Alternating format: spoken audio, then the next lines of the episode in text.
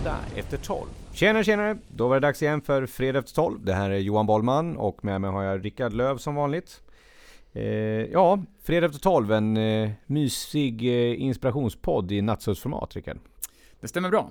Eh, och eh, vi kör som vanligt, ett ämne, inget manus, inga omtagningar. Inga omtagningar och ingen redigering heller. Nej. Blir det fel så blir det fel.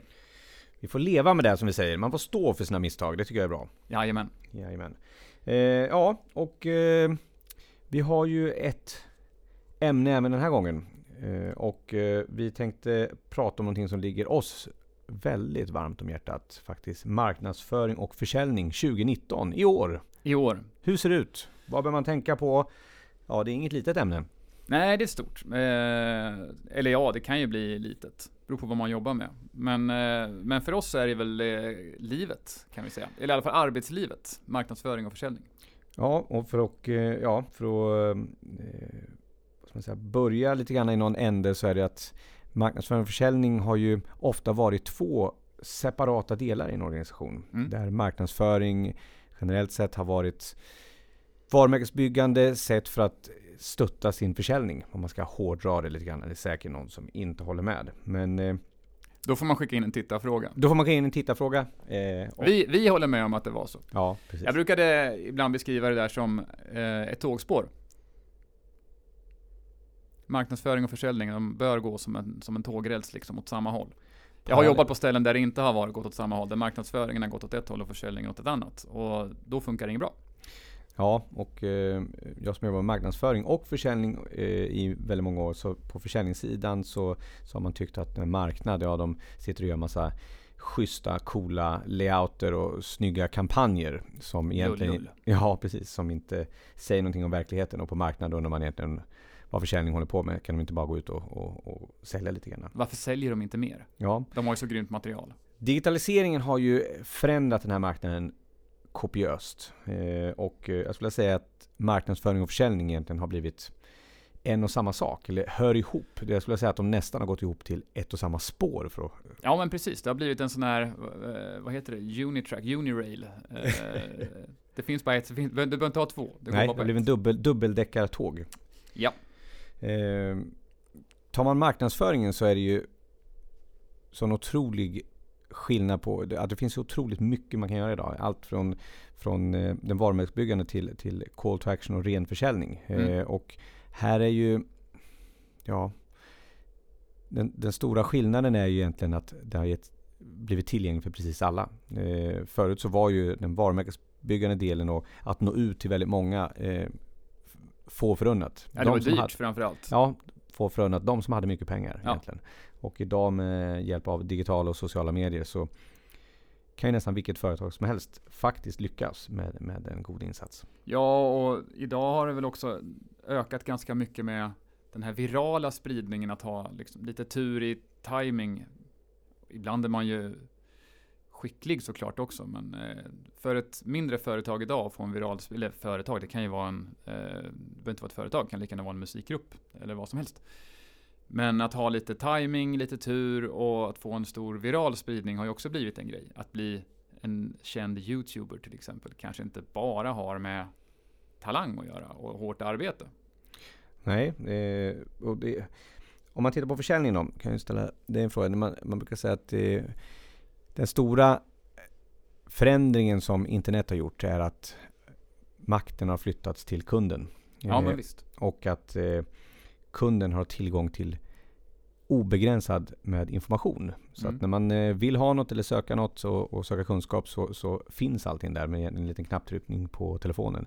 Förr så gick man gärna in till en butik eller till en expert och så frågar man Hej, kan jag få hjälp? Vad behöver jag ha för någonting för att få? Och sen var det mycket upp till den säljaren eller personen, representanten som att förmedla liksom sin kunskap i det här. Eh, och idag så, så söker man ju reda på det här långt innan och går in i en butik och, och säger nästan vad man ska ha. Mm. Och frågar, jag såg att du hade tre varulager, kan du hämta en? Och ibland kan man som konsument mer än den som säljer. Ja, eller så beställer man rakt på nätet bara och Precis. provar och tillbaka. Men hur påverkar det här försäljningen då? Du som... Eh, Ja men den stora, om man börjar med den stora skillnaden på hur vi köper. Så var det väl så att om man går tillbaka 10, 15, 20 år så, så var det ganska stor skillnad på hur företag köpte och hur konsumenter köpte idag så är det väl så att de flesta, när man köper som företagare, nästan alla företagare köper ju saker även som konsumenter, säga. men vi konsumerar saker på mer identiskt sätt, vare sig vi gör det i form av företagare eller som konsumenter. Och det är mer åt konsumenthållet. Ja, och det, det har ju mycket den här gamla business to business och business consumer. Idag så eh, pratar man ju mer om H2H, alltså H till H. Human till human. Eller people to people kan man också kalla det. Ja, men precis. Och då blir det blir lite skillnad nu då på hur man, hur man ska se på eh, det första som jag brukar reflektera över det är att det blir det är lätt att tro att kraven på säljarna på företagen idag minskar på grund av att folk som ska köpa, vare sig de är konsumenter eller företagare, att de kan mer om produkten och att det då borde bli ett enklare sälj och vi har alla de här marknadsföringsverktygen att, att ta till. Men som jag ser det så blir det ju, ställer det egentligen högre krav på säljaren. För du måste vara ännu bättre på till exempel att göra den här behovsanalysen, att få den rätt. Eh, du har mycket mindre tid på dig att påverka kunden när kunden är inne, för kunden kommer in med mycket högre kunskap. Eh, och jag vet, du, du har ju pratat Johan om att eh, förut så, alltså det här med konsumentmakt, så har ju du pratat om att förut när vi var ute och sålde och sålde business to business så var det lite grann vi som höll i taktpinnen. Mm. Um, hur brukar du beskriva den där? Det, jag kommer inte ihåg den, så dra den du. Nej, jag vet faktiskt inte riktigt vad du menar. Nej, men, men just att det var ju vi som ringde upp någonstans. Alltså när man var säljare så ringde man upp och man bokade ett möte och, och man åkte ut till en kund som inte hade så mycket aning om att man egentligen behövde produkten eller tjänsten som, som vi sålde. Och sen så var det säljarens uppgift att på något sätt komma fram till att vi har ett behov. Idag är, ju, är det ju väldigt ofta tvärtom att kunden är redan medveten om sitt behov och söker i mångt och mycket upp det säljande företaget. Och, och då är ju helt plötsligt, eh, du beskriver det som makten sitter hos, hos kunden och därmed är också beslutsprocessen väldigt mycket kortare. Så om vi som säljare då inte gör ett bra intryck så är ju chansen eller risken väldigt stor att kunden går till någon annan. Om ja. vi inte är helt unika. Då förstår jag precis vad du menar. Ja, det är inte lätt när man slänger en boll sådär och sen nej, så, var... så är man inte riktigt med så får man en rakt i facet. Det var en diffus boll. Ja, nej det är ingen fara. Som en grusig, som en grusig oh. fotboll vid plus fyra grader. Ja, jag var inte med, jag vände mig om, fick den rakt på. Men eh, jag förstår precis vad du menar. Och det är ju så det är. Förut så, man pratar om gamla sälj säljtakter så var det ju egentligen omöjligt för, för en, en, en köpare eller en kund att, att liksom motstå de argumenten om man väl träffades. Alltså vi, en säljare tränar ju, säljtränar ju flera gånger i veckan. Mm. Eh, och jag brukar säga att en normalt företag, en kund, tränar sällan på motsatsen. Liksom. Nej, det är eh, professionella inköpare då möjligtvis. Som, ja, eh, jag vet inte hur mycket de tränar, men de träffar ju ganska mycket säljare. Så att de, eh, de får ju träning vare sig de vill eller inte. Men idag så är ju det stora problemet att man kommer ju inte ens fram dit. Man pratar vi kalla samtal och eh, egentligen massutskick med e-post och en mängd andra saker, direktreklam. Mm. Där man förr försökte eh, få en ingång till att komma och presentera eh, sina produkter eller tjänster. Mm. Och, och, och, den dörren stängs sakta men säkert hela tiden. Och mycket tror jag är ju just därför att vi, vi man, brukar, man kan dra ett litet exempel. Man, man, den här gäller som det alltid har varit, men generellt sett om jag säljer en tjänst idag så tittar jag på mina potentiella kunder som finns där ute.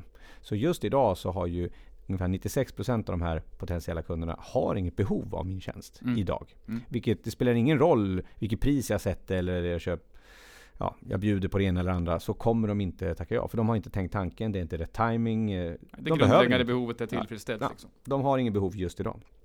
Och en liten klick eh, eh, har kanske funderat, de är under övervägande, sitter och funderar, ja, vi kanske ska välja något, vi funderar på att vi ska byta ut det här och behöver våra tjänster.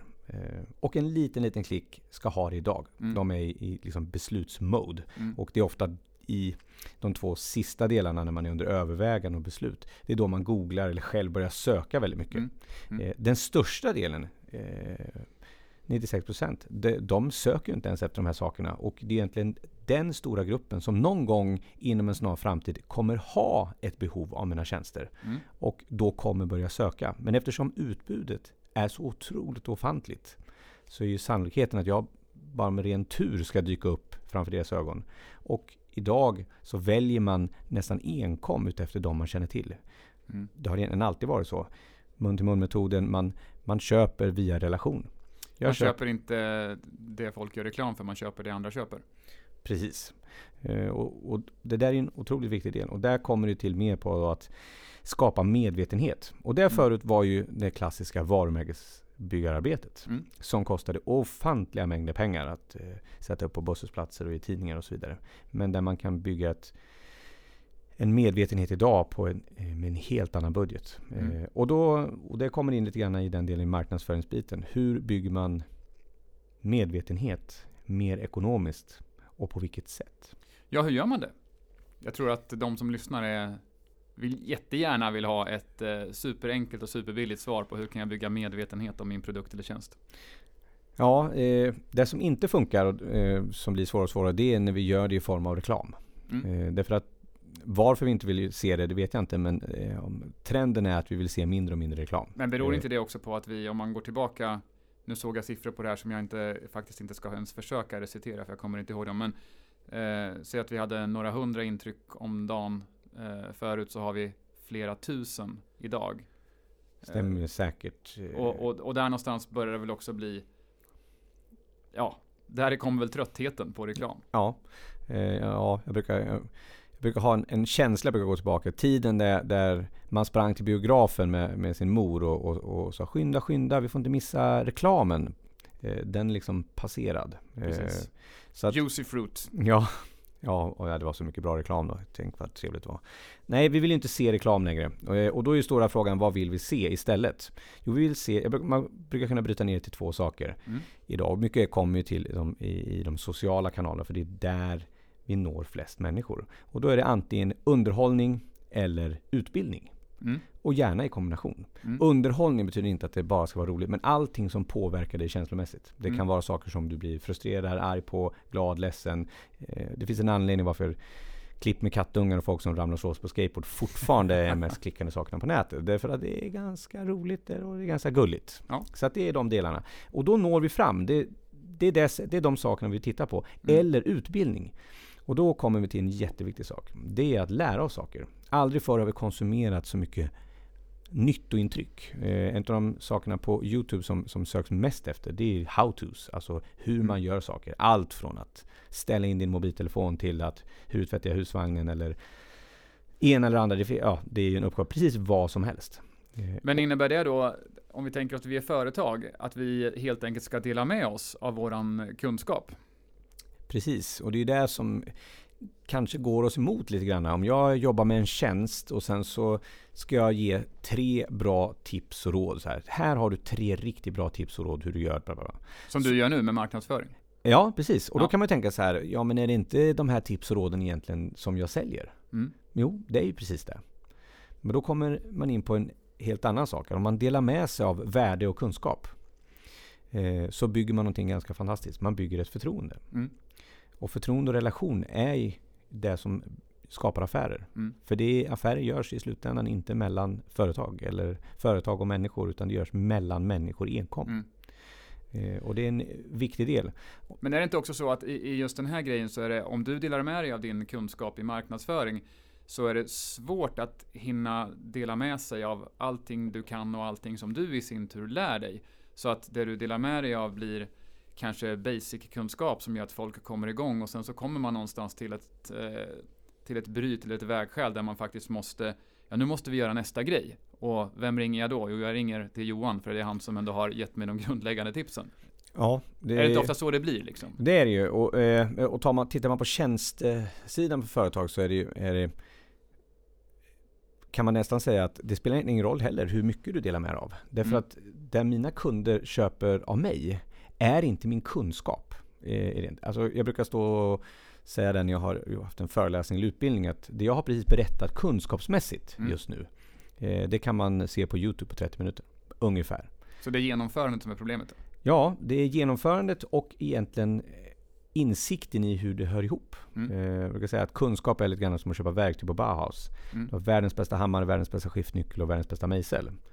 Och problemet du har en spik Eh, så du har alla de verktygen. Eh, och problemet är att du använder skiftnyckeln när du ska slå ner spiken. Ja, och det brukar ju bli sådär. Ja, så det är alltså hur man använder kunskapen som ofta är den, den viktiga delen. Eh, och den delen är, är, är ju någonting som man då kan erbjuda i ett annat format. Så du är inne på att göra, göra om kunskap till kompetens, förvalta, vidareutveckla helt enkelt. Precis, och mm. det, men att dela med sig av, av de här tipsen skapar ändå en, en eh, den grundläggande förtroendet för att, mm. för att göra affärer. Mm. Och det är en otroligt bra ingång till att när, när kunden sen kommer ner till sitt övervägande och funderar mot sitt beslut eh, och självmant söker så kommer du vara en av dem som blicken faller på. Mm. Därför att man känner igen det, för man har redan haft en relation till dig och sett de tips och råden. Ja, just.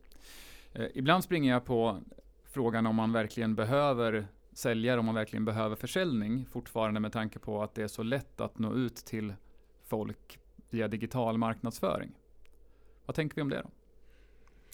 Ja, jag tror, jag menar, eftersom försäljning är relation så tror jag att eh, säljare alltid kommer behöva. Sen i vilka produkter och tjänster. Det är klart, säljer jag skor i en webbshop så Ja absolut. Ja, det, det finns ju, där har ju marknaden förändrats ganska mycket också. Men, men även om man kollar på, på traditionella branscher så har ju deras förutsättningar förändrats ganska mycket. Jag brukar ofta relatera till bilbranschen eftersom den eh, att den påverkades väldigt mycket, eller påverkas fortfarande ganska mycket av digitaliseringen, där man förr köpte bil ganska märkestroget och man gjorde trots det ganska många besök i en bilhall innan man bestämde sig. Och går man tillbaka till 80-talet så tror jag snittet låg på fyra. Mm. Och idag så är snittet under ett. Så det innebär ju att säljer man bilar så, så kan man inte gärna släppa ut en kund utan ett avslut. Ja, då har man en chans då någon gång. Ja, du har, du har egentligen mindre än en chans. Och det beror väl på att kunder idag inte gör kanske mer än ofta runt ett besök. Och några köper mer än en bil. Ja. Företag och så vidare alltså, tänker jag. Så därför är snittet, om man räknar så, per såld bil och hur många kunder det går in i en bilhall under ett. Ja, den stora frågan kommer ju vara alltså en personlig försäljning när man träffar en person, ser dem i ögonen och skapar en relation. Mm. kommer ju alltid, eh, i min åsikt, vara oslagbar. Mm. Eh, men för ett företag så handlar det ju om egentligen eh, kostnad mot effekt. ja, men för då är vi också inne på, på, det är jätteintressant tycker jag. För att om vi tittar på förmågan att konkurrera idag, när de flesta produkter blir mer och mer likriktade, ser nästan likadana ut, har nästan samma funktion.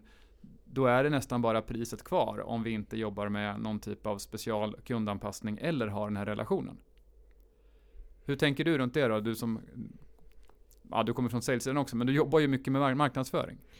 Ja, eftersom produkter, där, både produkter och tjänster blir mer likriktade så är det ju andra saker som får eh, falla in där. Och då kommer det mycket till den här biten i, i relationsskapandet. Sen behöver det inte alltid vara kopplat till att man har en, eh, en fysisk säljare. Men, men det är både den delen i, i att bygga förtroende, mm. eh, ja, dela med sig av sin expertis, tillgänglighet, eh, även sina värderingar och sin, sin kultur. Det är, de, det är sådana saker som blir mer och mer avgörande för vilken produkt eller tjänst jag väljer. För priset, ja det är ungefär samma sak. Funktion, mm. kvalitet, det är mm. ungefär samma.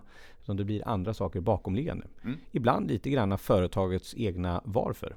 Ja men absolut, det kan vara jätteviktigt. Och jag brukar också tänka att för säljarens del eh, så blir det här lite komplicerat. Eh, förr hade man ju som, som sagt väldigt mycket mer tid. Men att förstå kunden och förstå kundens drivkraft blir otroligt viktigt för att få just den varan som du säljer eller den tjänsten du säljer, att få den såld. Eh, det var ju mycket lättare att sälja någonting till en, till en eh, märkestrogen bilköpare. För idag så har ju folk, är folk väldigt mycket mer otrogna när det handlar om bilköp. Och eh, då tänker jag att om man tar, fortsätter med bilar som ett exempel. Någonstans när man köper en bil så har man, om man bortser från märket, att märket inte är viktigt så har man ett antal kriterier som, man, som gör att man köper en bil. Mm. För en del så är det miljö, för andra är det driftekonomi. För vissa handlar det om att, ha, att bräcka grannen på uppfarten. De här grejerna gäller ju att förstå. Mm. För det grundläggande behovet, det, är för, det spelar ingen roll vart man går in. Alla fattar att kunden är där för att tillfredsställa behovet av att flytta sig från punkt A till punkt B och gärna tillbaka igen med en fungerande bil. Det kan alla bilmärken idag tillfredsställa. Mm. Men de andra sakerna, som, vad är det som gör att kunden väljer just mig? Och då spelar det egentligen ingen roll om det är en produkt eller en tjänst. Om det inte är så att kunden är inne i ett varuhus och själv väljer. Mm. Då är det andra saker. Men just om man ska prata hur försäljningen sitter ihop med den här marknadsföringsdelen. Så att förstå kundens drivkraft, vad är viktigt för kunden? Den blir ju extremt viktigt 2019 och framåt. Ja, och hur man, hur man förmedlar de här delarna. Alltså det, det är klart, jag brukar säga att eh, digitaliseringen och förändringen har både gjort att det har blivit mycket, mycket enklare för företag än vad tidigare. Mm. Eh, både för att ha gett möjligheten till många fler. Men sen har det också blivit ganska mycket mer komplext. Eh, förr så hade man sin lilla kanske annons. Om man var mindre företag då hade man annons i telefonkatalogen och så hade man eh, två säljare och sen eh, satt man och kallringde och bokade möten och sen jobbade man på där och sen om någon letade så hittade man i telefonkatalogen. Så Mm. det var ju bra. Eh, och hade man lite mer pengar kunde man också göra lite varumärkesbyggande kampanjer och köpa lite helsidor i någon trevlig dagstidning eller något liknande. Eller på radion. Men idag när, när, när de här förflytt, eller förflyttningen har skett från vart, vart folk spenderar sin tid och är och vad man påverkas av. Så tar vi de digitala kanalerna så är de, finns det ju otrolig mängd. Eh, och här kommer den här svåra frågan som jag ofta får. Men vad ska jag välja för något? Ska jag på Facebook, LinkedIn, Instagram? Eller ska vara Mm. överallt? Eh, ska jag ha säljare? Eller är det dags att lägga ner säljarna? Eh, och jag tror att man måste lyfta den här frågan lite mer uppåt. Både när det gäller i att hitta en struktur och titta på hur och var och varför ska jag kommunicera med på, i de sociala och digitala kanalerna. Vad är mitt mål? Mm. Eh, är det för att skapa medvetenhet? Eller är det för att få folk att köpa? Eh, är det alltså en, för de här sista 4 procenten som är under övervägande och ska ta beslut? Eh, är det för dem att säga ja, nu kan du få två för en? Eller ett specialerbjudande? Eller är det för att skapa medvetenhet? Mm. Eh, och sen hitta sätt att mäta medvetenheten. Alltså folks respons, kommentarer eh, och de bitarna. Mm. Och kommer man till försäljningen så är försäljning fortfarande relation. Och jag tror att försäljningen kommer glida ut mycket mer från kanske renodlad sälj. Det som man alltid har pratat om, försäljning ska finnas i alla led. Eh, och den delen kommer vara i från, från administration till de, alla de som har kontakt med Mm. kunder. Eh, och pratar man idag med någonting som kallas social selling eller, eller eh, ja, eh, man pratar även för att, för att ha lättare att rekrytera så brukar man prata om pl- employer branding. Eh, idag så är skillnaden när man har den här vad man säga, värdegrundsbärande personerna är ju de som är i företaget. Eh, förut var det kanske mer företaget som eh, med sin logotyp och sitt namn som syntes utåt. Eh, och idag så är det de individerna som bär kan man säga, varumärket på sina axlar. De som finns i företaget. Precis, det är de- varumärket, det, det samlade intrycket eh, som kunden får av företaget, allt från grafisk profil till kontakt med de som jobbar där. Ja. Eh, och det är väl också därför som, som du är inne på, att den, det är inte bara säljaren eller säljarens roll som blir viktig i framtiden, utan ibland är det ju faktiskt så att en tekniker kan vara den absolut bästa säljaren. Mm. Utifrån att den personen kommer in med ett annat förtroende oftast hos en kund. Mm. Eh, De flesta är helt medvetna om att en säljare är där för att sälja, och, eh, men kommer in en tekniker som servar en maskin och säger att eh, den här delen den är trasig, den måste vi byta ut. Det är ganska få som ifrågasätter det. Eh, och självklart är det ett förtroende då som måste förvaltas. Så det inte blir så att man börjar byta saker som inte behövs bara för att sälja. Det har ju vissa branscher eh, gått igenom ett stålbad i. Men eh, om man förutsätter att man är genuin i den delen så blir ju faktiskt att våga ta upp mer försäljning och eh, nyförsäljning på andra positioner än att behöva ha, ha säljare på visitkortet blir ju också en väldigt viktig del framåt. Förutom att verkligen förstå sin kund. Ja, och, och, och om, om, om eh, pris och tjänst och produkt blir mer lika och, Mm. och eh, vad ska man säga, eh, värderingarna i företagen, de mjuka värdena blir mycket mer eh, betydelsefulla. Så finns det också möjligheter för dem i företaget att kommunicera sina värderingar. Mm. För alla är ju i de här kanalerna. Om, om du har tio anställda som är på till exempel LinkedIn och har tusen kontakter var Mm. och dagligen delar med sig sin kunskap och sina upplevelser och sina värderingar från där de gör mestadels på dagarna, vilket är att arbeta. Kan vi säga att det är en rekommendation att man gör så från oss? Att man, Att man delar med sig?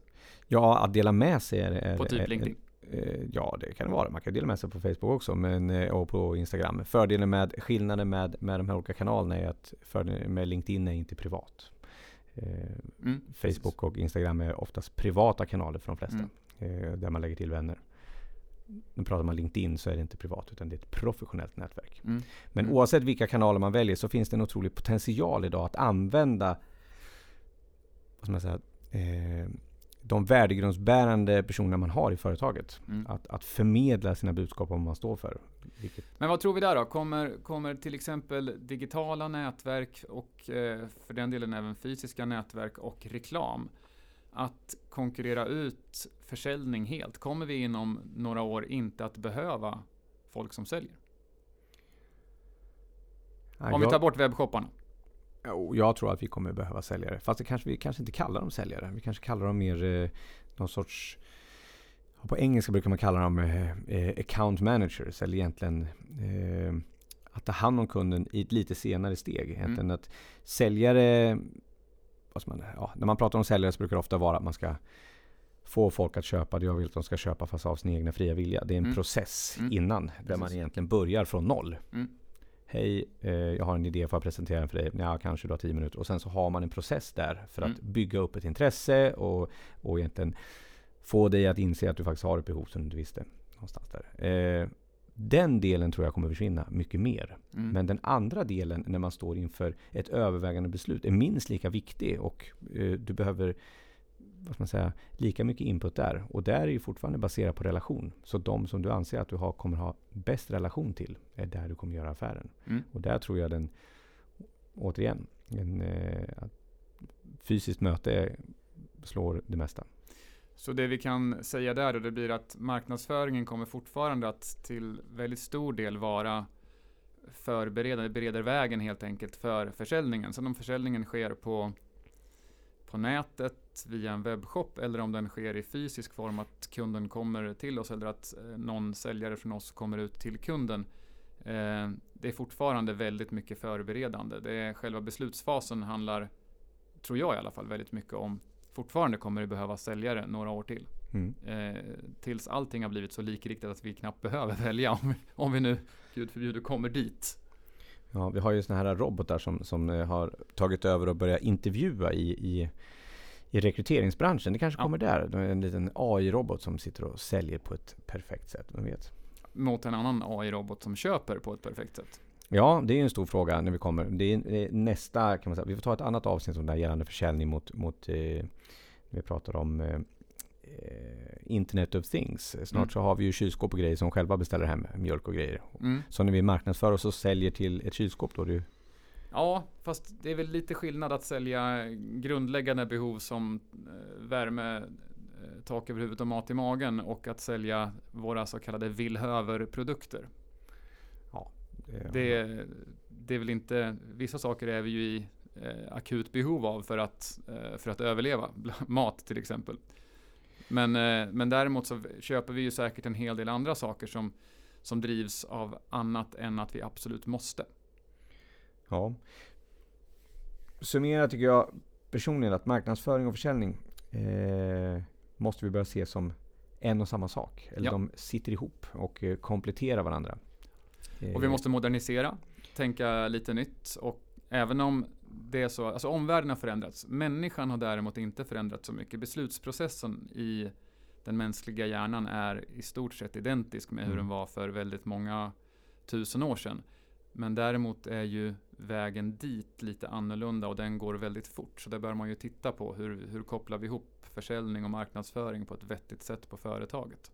Ja, jag tror att den största vinningen är här att börja titta på det och, och kasta bort kanske ibland när man sitter med lite gamla insikter och, och, tankar. Det är att i alla fall börja kika på det här. Det är att det finns otroligt stor potential att, att använda de här kanalerna till att faktiskt lyckas till exempel skapa medvetenhet extremt mm. kostnadseffektivt. Det enda jag behöver göra är kanske att börja dela med mig av av eh, min kunskap och expertis. Mm. Eh, vilket jag vet många tycker också är väldigt roligt till slut. För det är det man egentligen eh, gör till sina kunder generellt sett, man sitter Mm. med sina kunder. Men att man sen kan dela med sig till de som är potentiella kunder. Inte bara Så sälj blir egentligen lite mer rå, en rådgivande funktion än en eh, rent säljande funktion som det var mer när du och jag började sälja.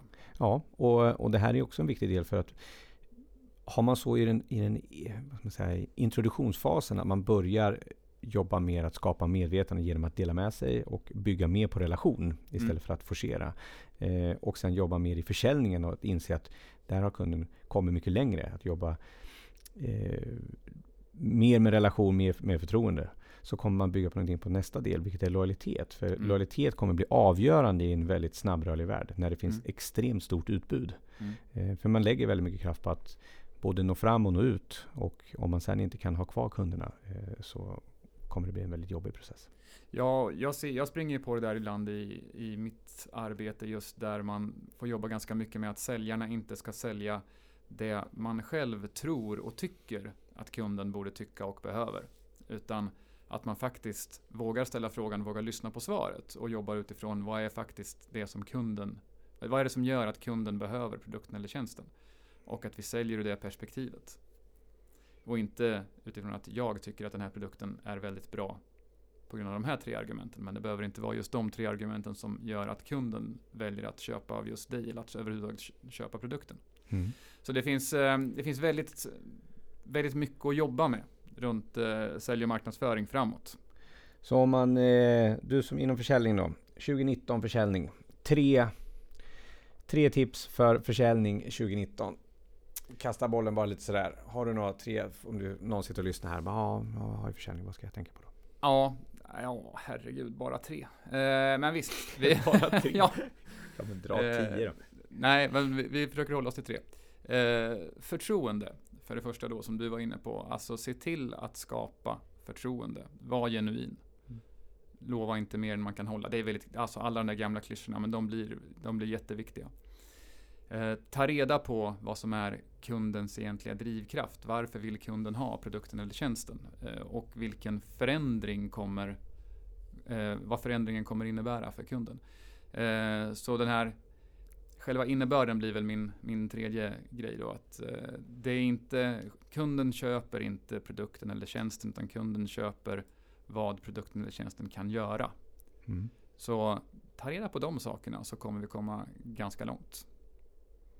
Ja. Skulle jag säga.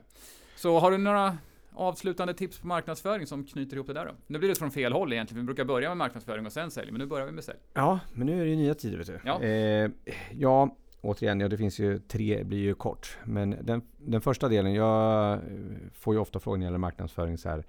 Eh, ja, nu har jag Facebook, hur ska jag göra? Men min första fråga brukar alltid vara varför man har det. Så innan man börjar marknadsföra så, så tänk efter varför man gör det. Som jag sa innan där. Är det för att få avslut och mäta de delarna? Eller är det för att skapa medvetenhet? Ja, Så man, så man har ett, en anledning, ett mål. Eh, är det för att skapa kännedom om en viss del av sin verksamhet som jag tycker att ja, men det är ingen som känner till den här. Eller att jag vill sälja mer av just den här produkten. Eller oavsett vad det är, så ingen som känner till våra fantastiska, eh, vår fantastiska personal eller våra, våra värderingar eller vårt CSR-arbete. Oavsett. Så tänk igenom och sätt målet varför innan man sätter fart. Mm. Och när man har gjort det, då tittar man eh, på sin mål. Vad är det för, ja, i, beroende på olika mål då, så tittar man på vad är, vad är det för sorts människor? Vad är det för målgrupp? Är det ungdomar, äldre? Eh, och utefter det så tittar man på vilken kanal. Är det Instagram, LinkedIn, eh, Facebook? Är det alla tre i en kombination? Eller hur Mm. ser det ut? Efter det så väljer man den man tycker att, att eh, man har möjlighet att jobba med och skapar innehåll som som attraherar den målgruppen. Alltså Mm. skapar ett, någonting, delar med sig av kunskap som man tror att det här, om de får ta del av den här, då kommer de inse att vi kan det här och så vidare. Det skapar en relation och förtroende. Sen har jag en, en sist men inte minst och det är, det är vem som ska göra den här delen. Mm. Eh, Jag brukar säga att det är vem och hur. Först måste man veta vem som ska göra den här delen, annars blir det aldrig gjort. Då får man ingen genomförandekraft. Det är väldigt lätt att säga sen, bra, då kör vi det. Och sen är det ingen som tar tag i det. Ett stort konsensusbeslut, alla överens, ingen genomför. Ja, det är ungefär så. Eh, och sist men inte minst, så det får bli tre och en halv då. Det är att bestäm hur man ska mäta att det lyckas. Ja, just det. Jättebra. Ja, det, Så att man- mätbarhet är ju superviktigt. Det är väldigt lätt att publicera saker och så tycker man ja, nej, men nu har vi lagt ut här. Det är bra. Mm. Nu är det digitalt, jättelätt att trycka på en knapp och så Jag vill lägga till en fjärde sak i försäljning och det är mätbarhet där också. ja, ja, vad bra. Då tar vi den också. Man Jag, stjäl, jag, jag stjäl den. ja, man måste veta vad det är. Säljer marknadsföring får man stjäla nästan allt. Ja. Så det, man sätter en mätbarhet så man vet att är det interaktion jag vill ha, alltså kommentarer, respons, eh, eller är det bara likes, vilket kanske inte rekommenderas, men oavsett. Mm. Sätt ett mättal. Vad vill jag, nu när jag lägger ut det här, vad vill jag ha för respons? Mm. Jag vill att folk ska kommentera det här, säga det här, göra det här, eller dela det här. Sätt ett mål och mät. Eh, och misslyckas det, gör det en gång till. Fantastico. Jättebra Johan. Vi eh, behöver väl runda av lite grann. Eh, det börjar bli hög tid. Ja, det är ju fredag och det är efter 12 och det är nu på fredagar efter 12 som vi företag eh, börjar tjäna pengar efter att ha betalt våra fasta kostnader. Ja, det är nu vi gör vinst Ja. helt enkelt. Fredag efter 12. Eh, med det så säger väl vi eh, tack för den här gången och på öter. Återhörande. Där skulle vi ha klippt. På Ja. återhörande. Ja, vi tar om. Vi, Om jag klipper där. Ja. Där vart ett klipp, så börjar om. Jag har ingen aning om vad jag sa. Men Nej. i alla fall. Eh, vi eh, hörs och ses om en vecka och eh, tittarfrågor. Eh, bara skicka in om man har någon. Skicka in eller skicka en snap. Yes, absolut. Tack för idag. Tack för idag Rickard. Trevlig fredag. Hej. Hej då.